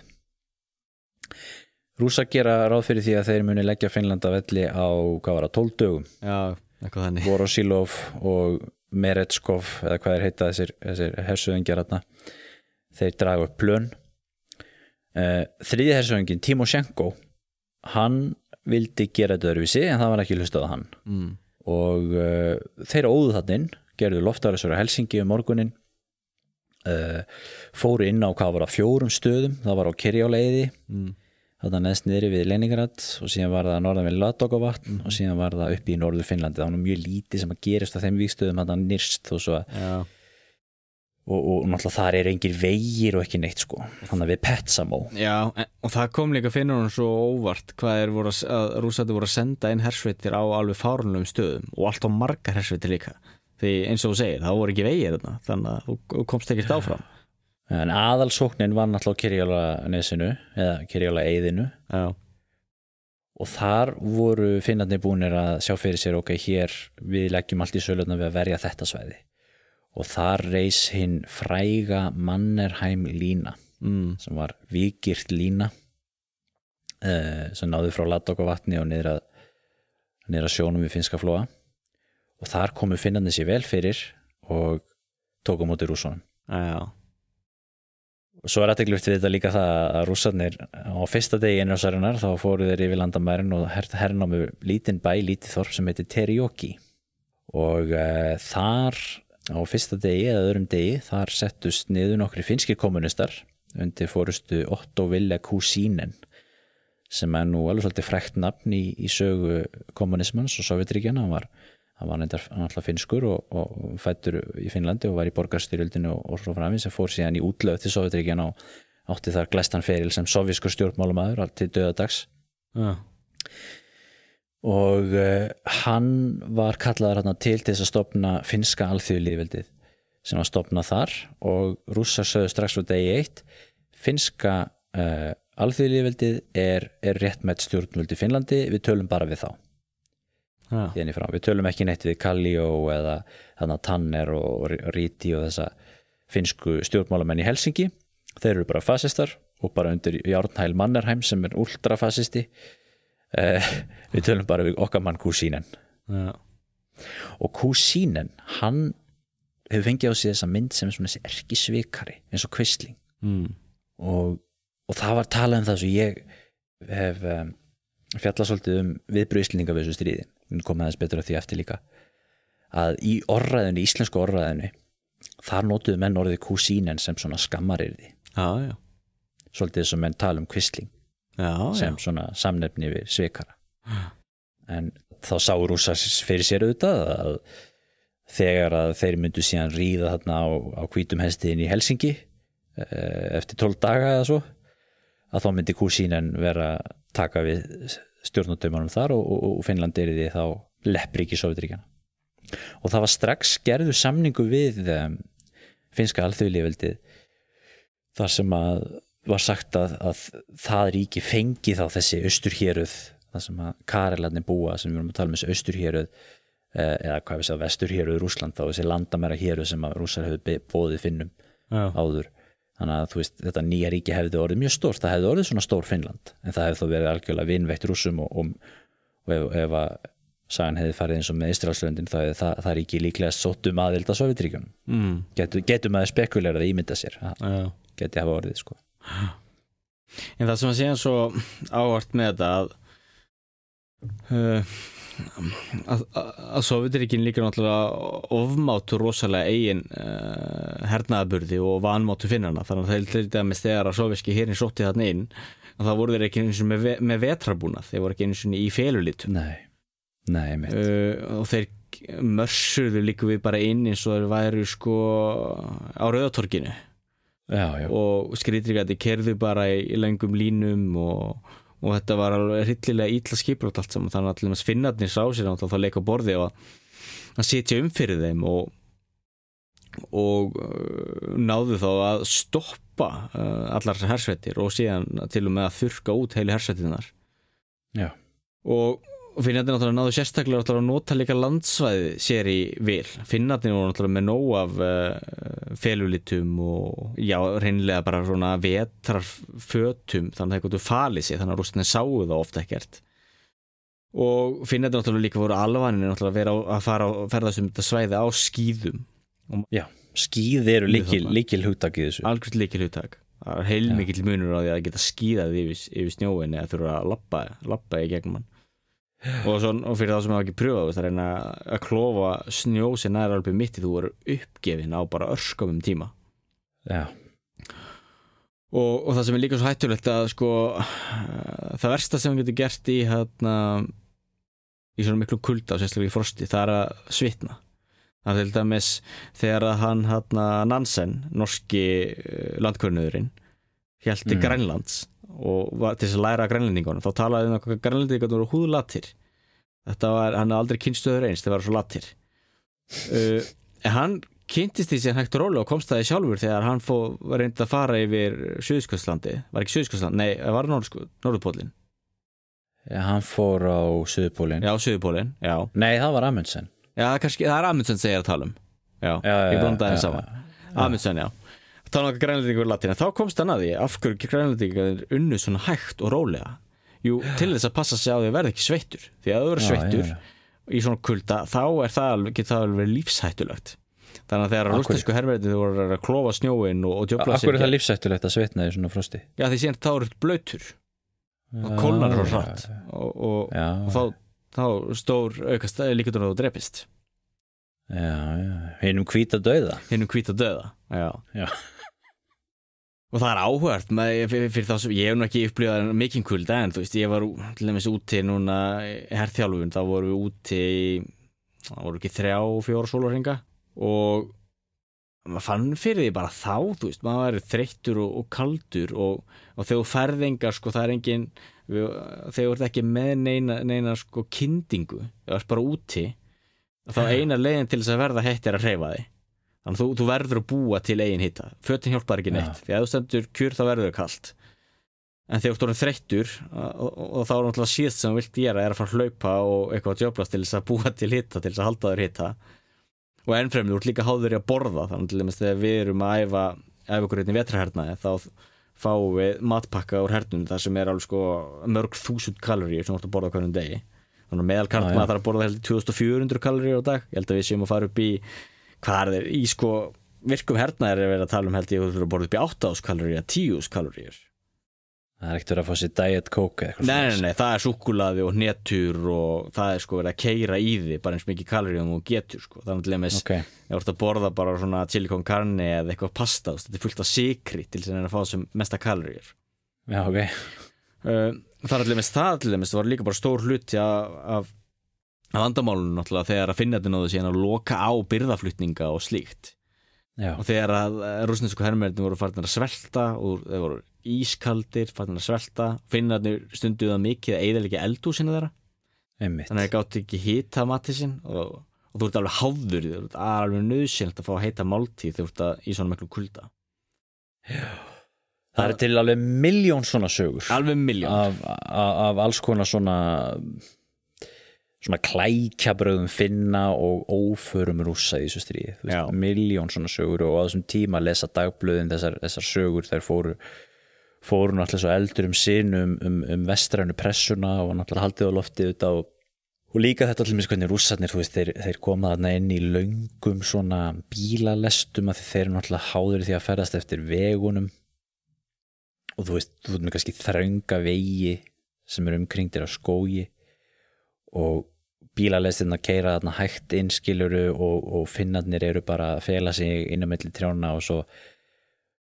Það, það hefur hirt talað um hérna múti held ég heiti? Já, hvernig var það aftur? Já, það snýrst þá um það að, að ná þóttlumst á rúsneskum hér sem sótti inn að, að skera hann upp í minni einingar þannig að þú gæst síðan ráðist á eh, veikustu eininguna fyrst þurka hana út og síðan haldið áfram þurka út hverja einingu eftir annari og, ja. og meðan þú varst þá að taka út þessar veikustu einingar þá náttúrulega voru sterkustu einingar þar hægt og róli að svelta og ganga á skotfæri og, og veikjast.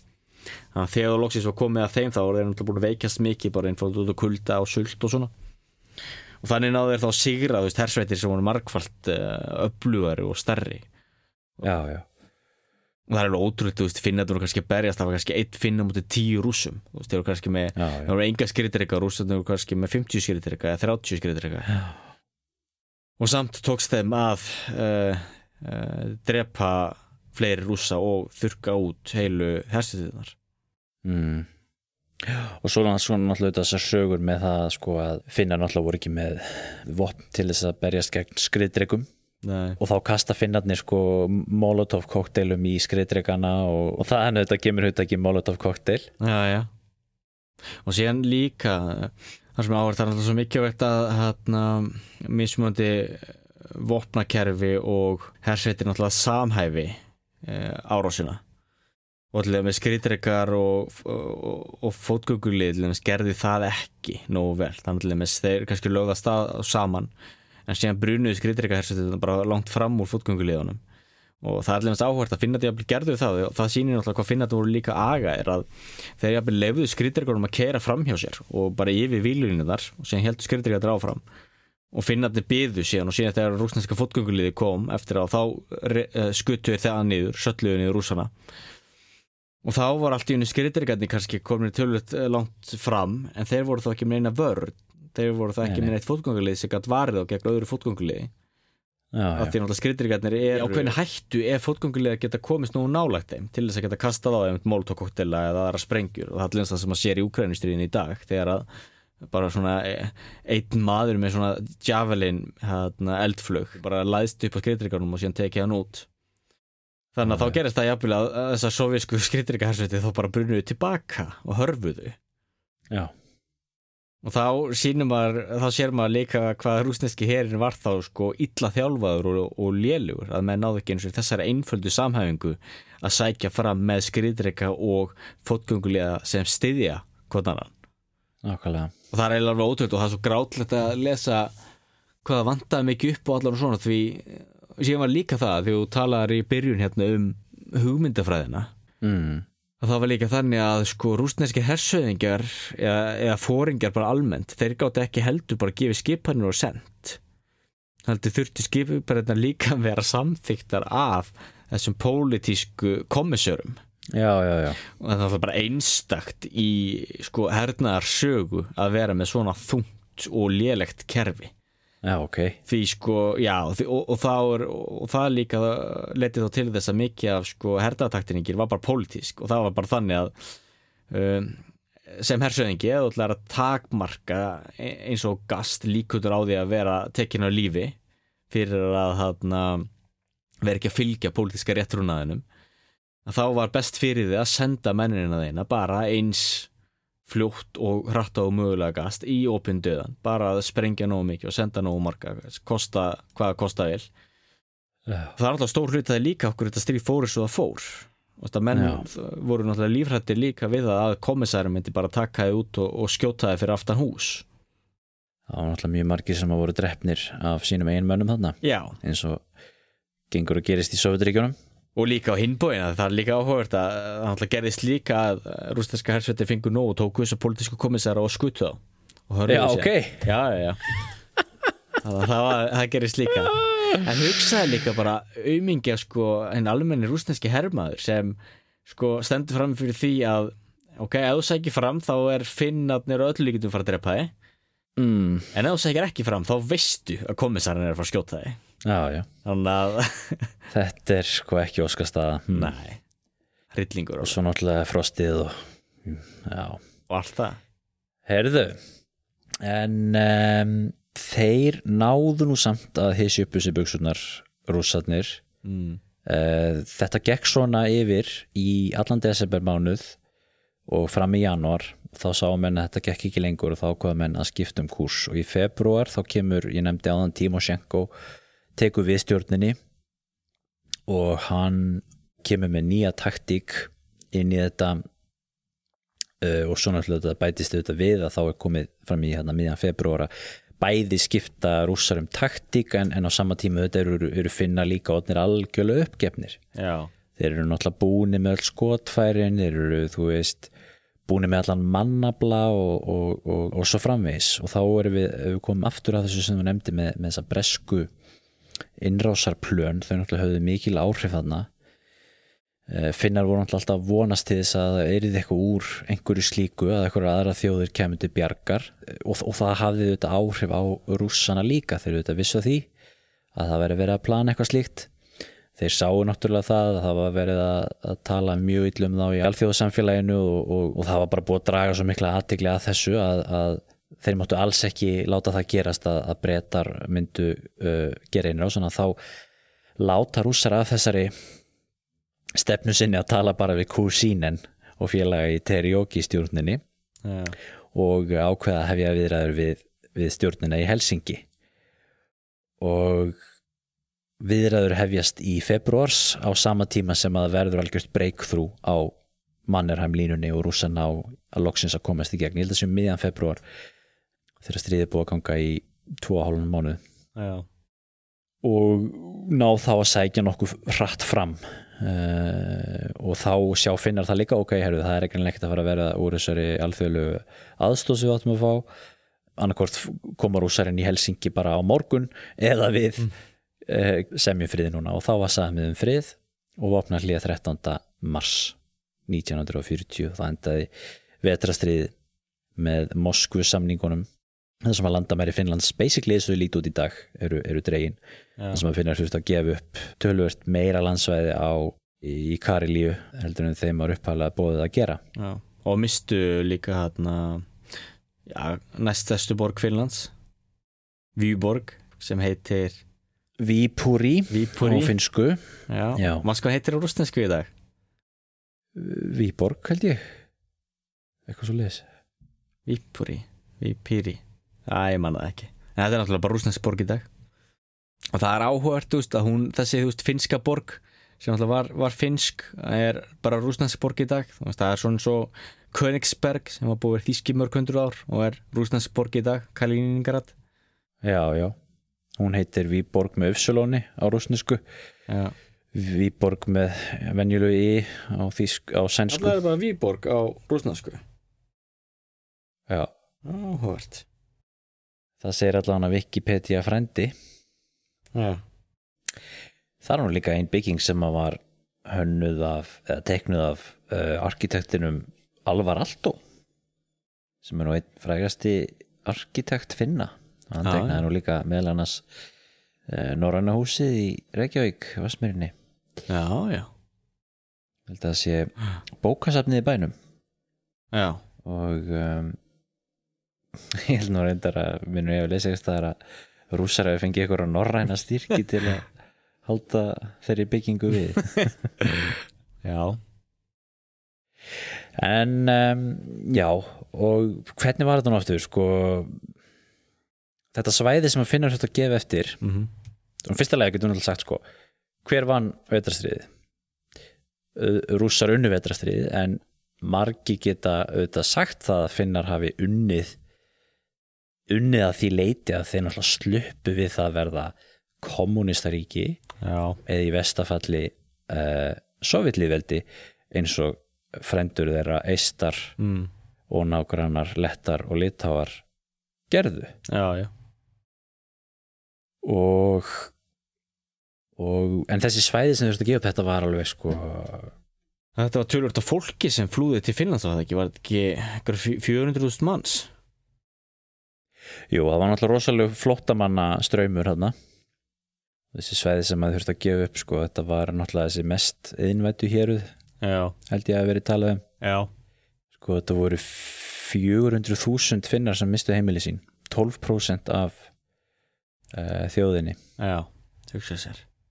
Þannig að það er svolítið mikið og það var líka áhvert að svona 9% af, af uh, landsveðinu já, fyrir geðum en það var áhvert líka að sjá hvernig þetta síðan hangið saman því og þarna var þá uh, löggildingin eða svona farin fyrir þessar þá anglofrönsku innrásinn í Norður Skandinavíu mm. en samt heldur menn áfram þeim plönum og Þískland trundi þá á stað sínum plönum það sem hérna Veserübung Veserubung og, og ráðast þá inn í, í Noreg.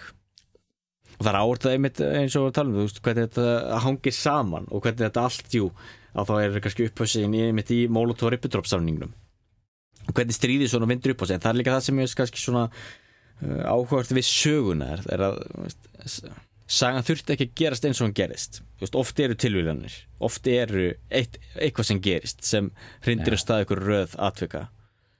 Og það er einmitt kannski þetta er uh, kannski svo svolítið dæmi um það. Því náttúrulega Skandinavíu að slapp við fyrir heimstyröld og áhvert að sjá hvernig þarna í setni heimstyröldinu voru eiginlega allir dregnir inn með, með svíþjóðu sem undartekningu Já, já, og, og auðvitað áttu síðan finnur aftur að vera dregnir aftur inn í setni heimstyröldina já og þetta getur mér sagt það sko að þú veist, jú, jú, sjáðu finnar voru not, Finnland var notað sem stökkballu til að gera einu þessu Sovjetríkin en auðvitað var það náttúrulega út af þessari bituru reynslu með, já, með, eh, með þá. Eins og þú sagðir Finnlandi setni heimstyrldu mjög sérstök, sérstök saga sem ég held við ættum algjörlega að taka fyrir. Já, síðar þó við séum nú reynda búin að taka fyrir núna alveg helmingina þeirri sögu líku við Næ, sem er náttúrulega já.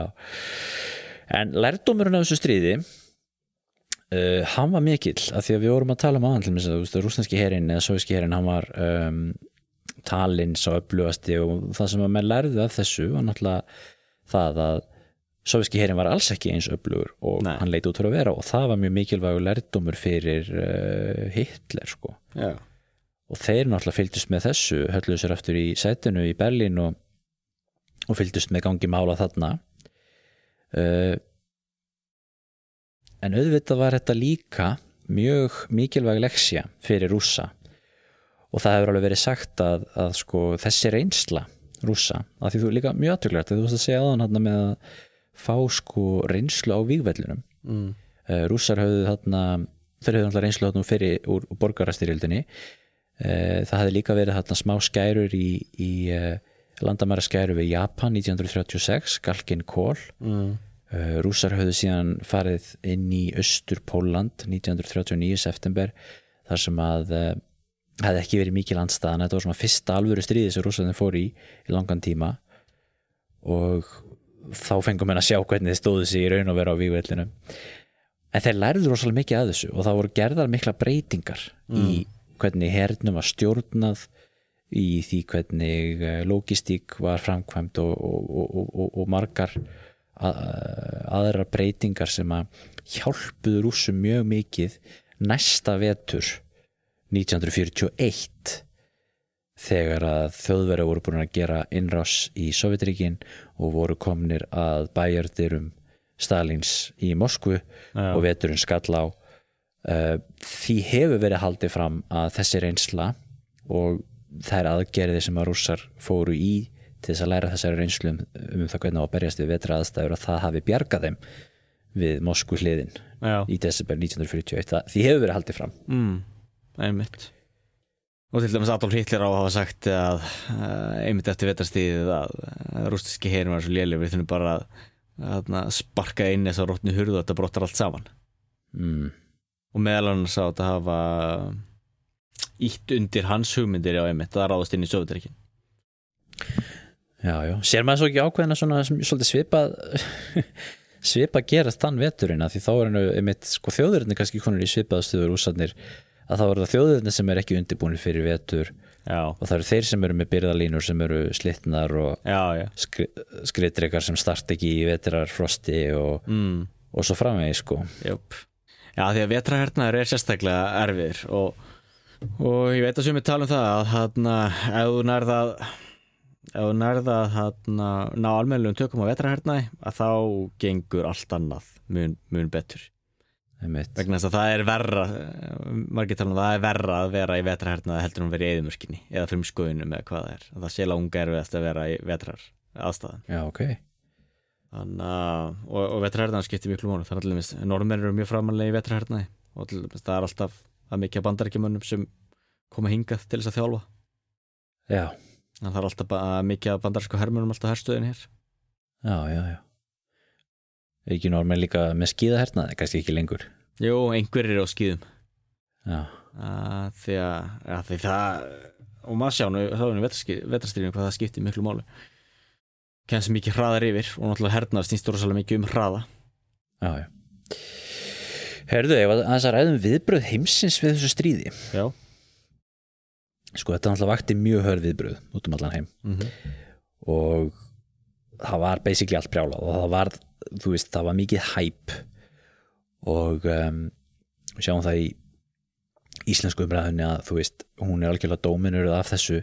Og það sem að menn í íslensku umræðunni er að tala um fyrst og fremst í tengslu við vetrastriði er uh, andkommunismi mm. og árásir á íslenska kommunista í þessu samingi vegna þess að menn sáu þarna þessu sem var að koma aðan með kúsínen að þetta var á Íslandi voru mikil stjætta átök eða svona átök á milli kommunista og, og andkommunista höfðu verið á fjórða áratögnum í Ja. kreppunni og andkommunistar höfðu náttúrulega verið með sín andkommunistiska áróður það sem var, því var haldið fram á kommunistar væru handbendi Sovjetríkjana og þeir væru hér bara að býða eftir tækifæri til að fremja valdarán.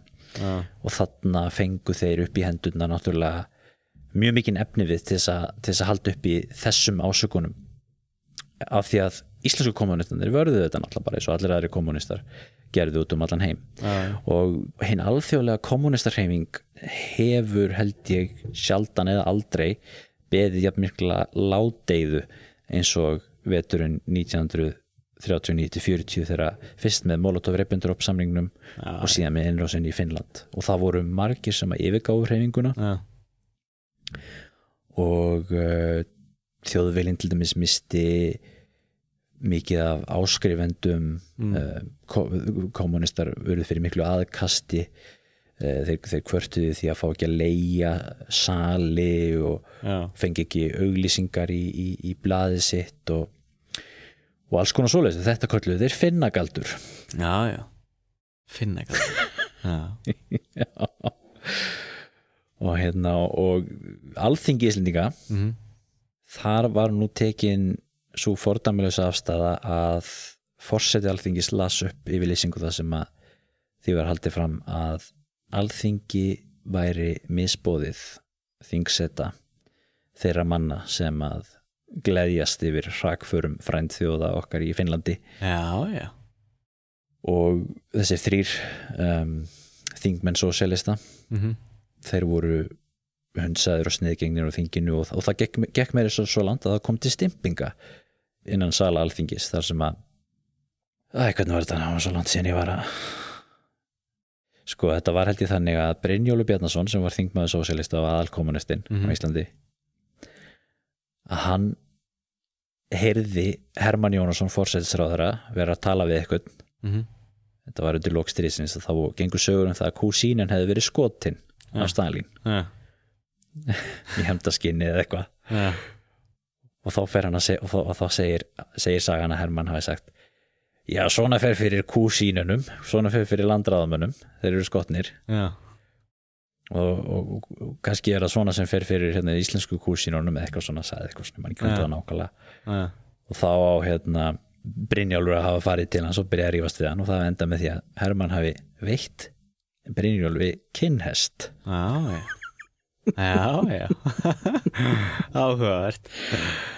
Hitt tímanum Já, og þeir kölluðu kommunistana kúsínina já þeir gerðu það. Hinn er, íslensku kúsíninar Já, já. Ég þekki ekki almennilega þessa sögu en, en hefur ekki verið uh, að hljóta ykkur sakfræðingar hafa kafað í það er það ekki, þau skjöl sem finnast að, vegna, að það var náttúrulega eitthvað Íslendingu sem heldur til Moskvu. Jú, jú, það hefur verið mikið rannsakað Já, og, en veistu, er eitthvað svona stöðt nýðustæða í því, þú veist, hver náum voru var sambandið? Sko þetta er náttúrulega eitt af þessum helstu deilumálum í íslenskri sakfræði Já, og það hefur verið fjallasöldum og við fjalluðum um þetta einu sinni hérna í sögurskoðun sko. Já, en þú veist, en er En það var alveg rétt að, að íslenskir, sakfræðing, nei, íslenskir kommunistar fóru til, til Moskvu og voru þar í Lenin skólanum og, og þeir voru í miklum brefasamskiptu við, við Sovjetríkin og, og, og náttúrulega var íslenski kommunistaflokkurinn fram til 1938 var deild í kommentern Já, alþjóðsambandi kommunista þannig að þar var hann sko e, sangkvæmt sko stjórnarskraflokksins var var hann hluti af kommentern og þar að leiðandi stjórnaði frá Moskvu já, en svo eru þetta uppi alls konar deilur um það hversu miklu leiti þetta var og, að, og hversu uh, miklu máli þetta skipti það já, er svona það sem að menn hafa verið að deilum síðustu ári í, í sakfræðinni já, en eftir 38 það var sósélastaflokkurinn uh, ekki officially hluti á kommentern en, en hann var samt alveg innveittur Sovjetríkjunum og, og, og það voru alveg breyfaskipti og alls konar sko og þeir náttúrulega þá er líka pening frá já, Sovjetríkjunum sko. Þetta er áhugavert. Já, já. En svo voru nokkri sjálfbúðarlega sem fóru. Sko, voru þetta ekki 15.000 mann sem fóru frá Svíþjóð þannig að svenska frívillig koren. Já, ég held sem ég þá að þeir hafa verið 15.000 það hafa verið svo margir. 8.200 voru þeir víst. Já, en ekki það á tölvört já, já, Já, alltaf börðist náttúrulega líka eitthvað á normunum og, og dönum í vetrastriðinu og náttúrulega líka eftir setni heimstyrjöldina náttúrulega eitthvað af þessum normunum sem hafi barist á Austuvíkstöðunum notu þetta einmitt líka sem lögildingu og réttlætingu að þeir hafi verið að berjast fyrir með, með, með bræðurinn sínum finnum gegn Sovjetríkjónum Ég geta bara þetta spurt sér náttúrulega hversu satt það hafi verið en það er allan eitthvað sem menn voru að segja. Já, Þú veist og það sýnir, þú veist, hvað finnar hafði mikla samúð, þú veist, annars hefur mér ekki verið að reyna þau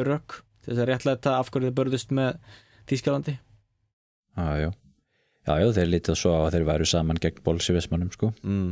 en, en sko þessi alþjóðlegi stuðningur sem Finnland fekk náttúrulega voru, voru sjálfbúðarlega sem komu allstaðar að voru, voru auðvitað frá Norrlöndunum og líka frá, frá Ítalíu, Ungverjalandi og svona löndum sko. Já, og ykkur voru náttúrulega senda herrgögn og svona en ég held að langstæsta hjálpin kom frá svíum og þá í formi sko sjálfbúðarlega já, af því að náttúrulega svo vorum að segja þeir stuttu náttúrulega ekki, ekki officially sko. Nei, og það voru um það byrð þúsund sjálfbúðarlegar sem fóru frá Danmörku mm til Finnlands. Þar á meðal voru tveir Íslendingar. Já, já, tveir af fjórum íslensku sjálfbúðarleðunum komu, komu með þessum hópi. Og þeir náðu nú því miður ekki að sjá neina bardaga því þeir fóru hann uppbyttir og voru síðan í ykkur herrþjálfum bara þangar til að það var samið um frið. Já, já. og síðan fóru ykkur í nokkur hundru manns frá, frá Noregi og hérna og síðan voru tveir aðra íslendingar sem, að, sem voru hann læknar. Já.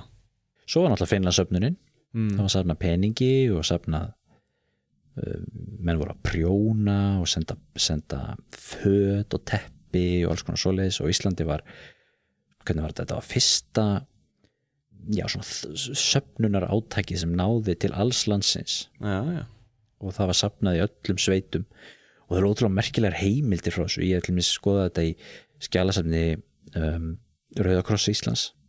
Og þú veist maður getur séð svona söfnunarlista það sem að fólk er að skrifa sko, þú veist, Ólafur Hersi Arnaldsson Östu Þingaði síslu Kvammi gefur 50 krónur. Já, þú veist, Jóníana Jónsdóttir uh, Rauðalæk uh, Húnafæð síslu gefur tvo ullarsokka og tvær krónur eða eitthvað svona, já. þessar heimildir eru til. Það er áhugavert. Og svo tókum fjölmiðlarnir aktíðan þátt í þessu þeir byrtu þessa söfnunarlista voru alltaf að byrta reglulega uh, tölur hversu mikið að búið að safnast í í söfnuninni. Já, já, og svo framvegis. Og þeir söfnuðu nú alveg slatta pening sko, það var 170 skall íslenskar á þeim tíma sem er nú það var nú heilmikið. Já, sagði ég ekki ég hafði nú á sínum tíma reknaði ég nú hvað þetta var mikið á núverði hvort þetta voru einhverjar 20 okkar miljónir eða eitthvað, ég maður ekki sko. þannig að, já. Þannig að þetta var svona sensation. Já, við þetta, eins og við nefndum við upp að náttúrulega smá þjóð, stór ríki sem ræðist að þá. Fólk kann alltaf að meta góða underdog sögu. Algjörlega, það var líka óréttlætið í þessu sko, já, það er um það. Þú veist einhvern veginn eh, svona þetta, þetta ofbeldi sem menn sá í þessu líka. Mm. og svo náttúrulega þetta, þú veist vinskapur með þú veist, svona, norræn auðvitað, svoleiðis tilfinningar vakna upp. Já, sumir hafa sagt sko að veist norrætt samhugur hafi einhvern veginn já, sumir hafa bæði sagt að hann hafi átt sinn, sína gullöld þarna en svo eru aðrir sem segja að hann hafi líka brotnað svolítið niður þarna einmitt að því að finna náttúrulega fjarlægðust Norðurlöndin eftir vetrastriðið og, og náttúrulega fóru meira inn í sæng með, með þjóðverum já. Já, já.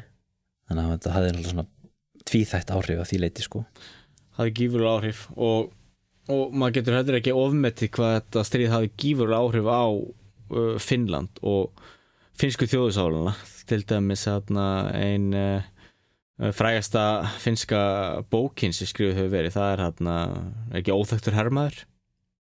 Já, svo myndi, eða svo bók hefur verið kvikmyndu mörgu sínum og meðal hans er serja á Netflix núna uh, sem er, sem er mjög góð og ennfremur þá er þessi mynd held ég fyrsta myndir síðan er hún ekki síðan 50 eitthvað? Frekar en 60 eitthvað. Hún er sínd í Finnlandi á hverju ári. Og í Finnlandi líka það er ennþá í dag það er söpnun á hverju ári. Það er sem er sapnað fyrir þá uh, uh, hvað kallast það aftur? Svona veteran. Um, uppgjafahermi já er það ekki já, það sem er þá söpnun það sem að þeir sem gegna herskildu sapna þá fyrir, uppgjafahermen og það er náttúrulega ennþá almenn herskilda í Finnlandi og finnski herin er eh, mjög stór og það er allir þurfa að gegna herskildu og finnar geta kalla út í óhæmi og lið eða þurfa. Já, já. og það er þú veist heilmikill munur þar á að bera saman Finnland og til dæmis Noreg eða Danmörku eða Svíþjóð þú veist, finnsk saga er náttúrulega allt öðruvísi ef út af, ef út af þessu sjokki og er ekki líka, þú veist, menn er náttúrulega að tala um þetta núna í tengslu við ógnina frá rússum. Já, að þú veist, finnar eru náttúrulega vel búin að undirbúa svona varnir í ára tugi sko, já, ekki sagt að það sé ekki byggð svo brú í, í Finnlandi nema það sé þa- þar til gert hólf svo hægt sé að sprengja hana ef ger einrás og, og svo Já. framvegi sko. Og þeir eru leðast með hérna, loftvartabyrgi fyrir alla þjóðina. Já, það er svolítið mikið. Og, og finnar eru einhvern veginn á allt öðrum stað heldur hinnar Norðurlanda þjóðina þegar kemur að þessu. Já. og líka með allan undirbúning það er líka, líka talað um þess með COVID normerinni þeir, það var planið bara að kaupa það sem þurfti að kaupa og meðan í Finnlandi voru miklar byrðir af hínu og þessum búnaði sem þurfti. Bara tilbúið, þeir er um, mjög undirbúnir einmitt fyrir eitthvað svona. Með mitt og það sittur í, í þeim eftir þetta sjokk. Já, já, nákvæmlega þetta er mjög skemmtileg saga og, og hérna merkilegt allt saman og ég held nú að við þurfum nú bráðum að fara að ljúka þessu okkur, við erum búin að tala hérna í daggóðan tíma. Já, og hérna ég eh, hef nú skrifað svolítið um þessa, þessi íslensku viðbröð þannig að menn vilja kynna sér það og skrifaði ég grein í Sagnir tímaritt eh, ja, hvað þetta er áttu tímaritt um söguleg efni eða eitthvað svo leis þannig að menn geta googlað það. Og það er gaman að rannsaka þetta meira. Ég veit alveg að það eru, það eru til skjalaheimildir sem að ég hef komist í sem að sem að ég, maður ekki fengið að skoða almennilega. Já, maður þarf að hafa að í nákvæmlega. Það er mikilvægt. Við um, ljúkum þá þessari umræðum hinn uh, kvíta dauða og frosna helviti Já. í kuldanum á þessum sólreika júlímánuði Já, og förum að fara í sumafrí. Við snúum hér aftur í hlaðarpinu sögurskoðun uh, í haust með á stórskemmtilega dagskrá ef við ekki reyna að gera það. jú, algjörlega, við gerum það Mm, þá segjum við gott í bili kæru hlustendur og uh, veriði sæl og gleðilsumar. Já, gleðilt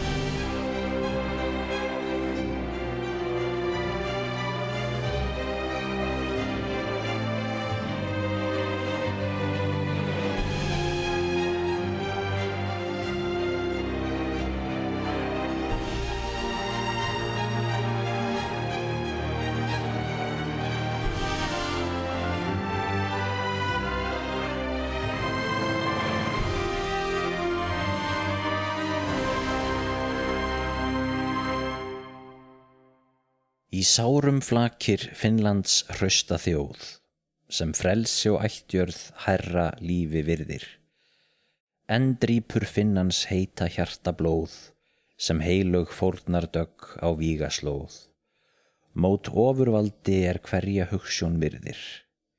Með sverðin reitt í hverri hetjumund, einn hópur smár gegn múksins fjölda stendur. Hver dáir eið á dirfsk og karlmanns lund, sem dauðan heldur kýs á feðra grund, en selja frels og fjör í böðla hendur.